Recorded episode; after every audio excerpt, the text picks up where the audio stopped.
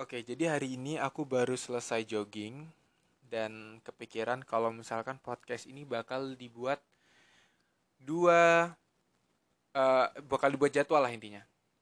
Dan terus akhirnya setelah berpikir eh, lumayan lama, akhirnya kepikiran gimana kalau misalkan aku fokuskan pembahasan kita ada di tiga topik.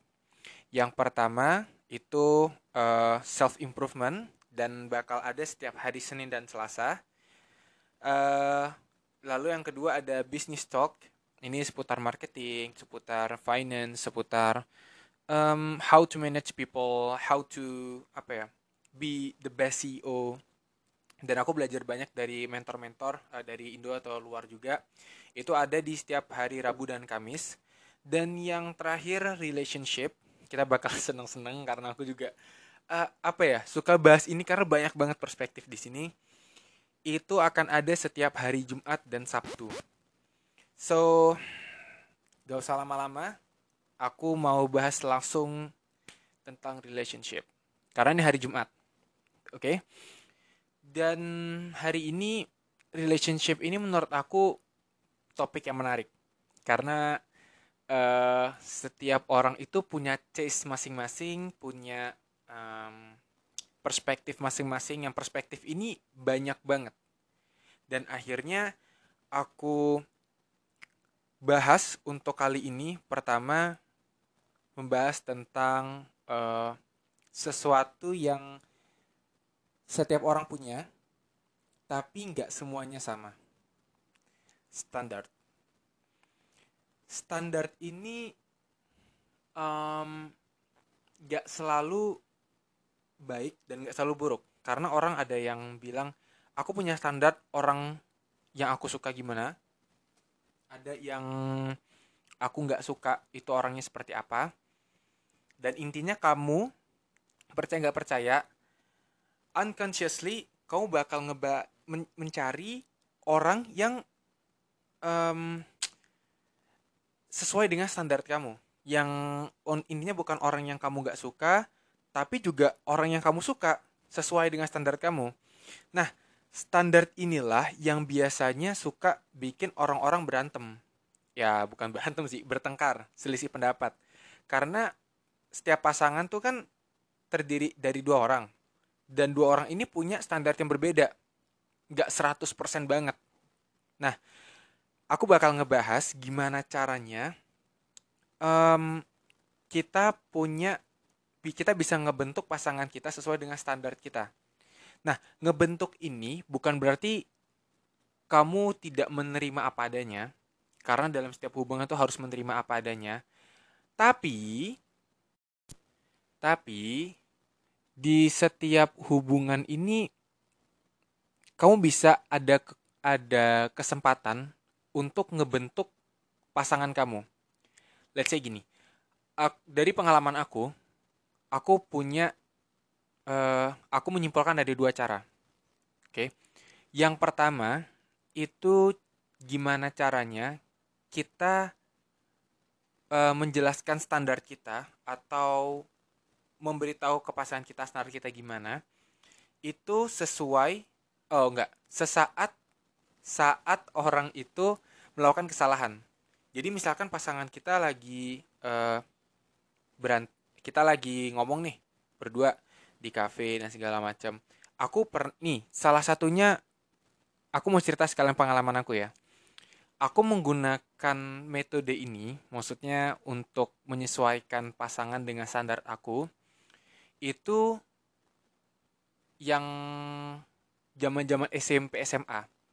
Karena menurut aku ini tahapnya nggak salah, tapi lebih baik, ada yang lebih baik ketika aku ketemu sama anak ini, let's say si A, terus dia itu suka banget megang HP. Uh, eh, emang nggak salah karena setiap aku uh, mungkin lagi kosong atau chat, dia tuh bisa ngebales cepat. Cuman gini, ini kan kita lagi jarang ketemu. Terus kamu pas ketemu itu malah pegang HP. Kan kayak jauh-jauh gitu kan. Kita cuma cari tempat buat main HP eh ke mana yuk main HP kayak ayolah. So akhirnya aku bilang bilangnya baik-baik dan nggak keras. Keras tuh maksudnya keras secara intonasi dan keras secara uh, apa ya sikap. Jadi ngomongnya halus gitu nggak ngomong langsung to the point. Udah ngomong intinya aku bilangin kalau misalkan aku itu nggak suka sama cewek yang terlalu fokus sama HP terus. Pas kita lagi berdua ya. Kita lagi ngobrol atau cerita kayak atau apa kan jarang nih bisa ketemu. Pas ketemu kok malah main HP nah setelah aku sampaikan itu intinya kan aku membenarkan uh, standar aku tuh jangan jangan sering main HP aku nggak suka uh, anak yang main HP pas lagi keluar berdua gitu. Nah terus uh, di sini nggak salah karena aku ngasih tahu dia cara membenarkan dia untuk sesuai dengan standar aku adalah ngasih tahu kalau nggak suka seperti ini. Nah kan baliknya ke pasangan lagi tuh apakah dia bisa menerima atau enggak. Cara yang kedua ini adalah cara yang menurut aku efektif dan sampai saat ini emang aku lakuin. Aku baru ngelakuin ini kuliah kali ya. Jadi ketika aku ketemu sama orang dan aku mau dia sesuai dengan standar aku, maksudnya udah mulai kayak tertarik pengen tahu lebih lanjut lagi, adalah dengan menjelaskan atau membuat framing gimana caranya dia tahu standar kita sebelumnya. Jadi gini, that's why itu ada apa ya tahap gebetan, paham gak sih? Ketika kamu lagi di tahap gebetan, itu tuh kamu jelasin kekurangan kelebihan kamu, kamu tuh seperti apa So, kalau aku kasih tahu ke kalian, ke kamu, ketika kamu lagi ada sama gebetan atau orang yang ngedeketin kamu, jangan fake.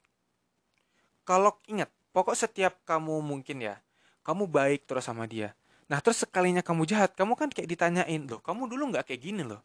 Ya nggak salah, karena awal pertama kali kamu tuh bener-bener super baik sama dia, super perhatian, caring, loving, and stuff. Tapi ketika kamu nggak suka dan maksudnya menunjukkan muka uh, menunjukkan your true self ketika marah itu ya kan mungkin orang kayak ilfil. Karena dia mengira kamu tuh bukan orang yang seperti itu. Nah that's why kalau kamu pengen membuat standar uh, orang itu jelasin jauh-jauh. Kayak misalkan aku balikin lagi. Kayak aku nggak suka kalau misalkan aku tuh uh, suka apa ya dia tuh ngelakuin dia main HP terus pas lagi ketemu. Nah, um, aku jelasinnya itu dari jauh-jauh hari. Jadi misalkan baru pertama kali ketemu, dia belum melakukan kesalahan itu. Kalau tahap kedua kan tadi nunggu kesalahan. Ini enggak.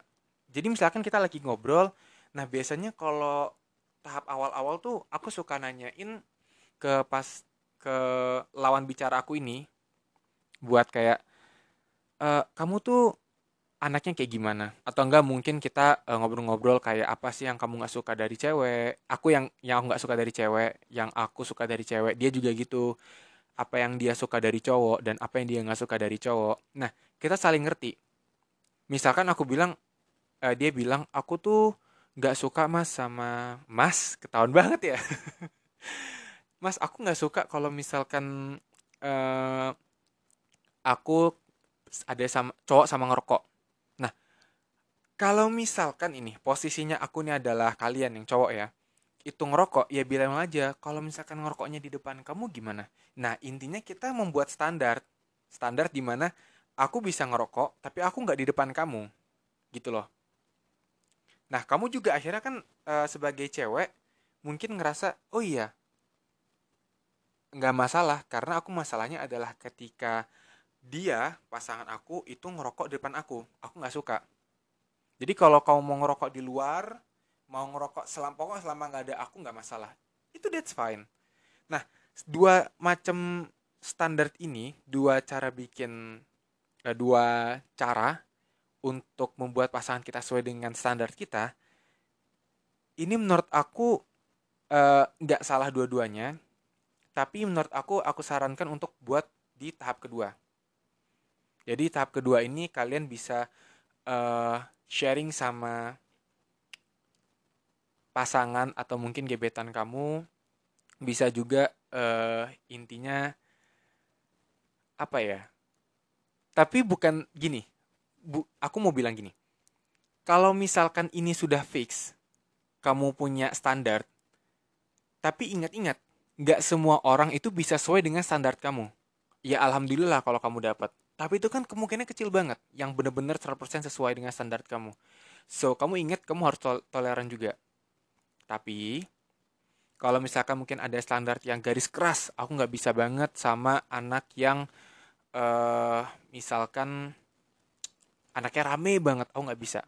Aku tuh anti banget sama anak rame. Oke, okay, kamu ngomong ke pasangan kamu. Jadi ada hal di mana standarnya itu prioritas pertama, tapi ada juga standar yang kayak oke okay, kalau kamu nggak bisa memenuhi nggak masalah, tapi kalau kamu bisa memenuhi ya alhamdulillah. So itu menurut aku dua hal yang bisa aku uh, sharing dari gimana cara kamu bisa membuat standar untuk pasangan kamu. Dan besok ini aku bakal ngebahas tentang value kita di depan pasangan kita kok dan aku bingung deh. Kok, kok pasangan tuh kelihatannya kayak cringe banget gak sih?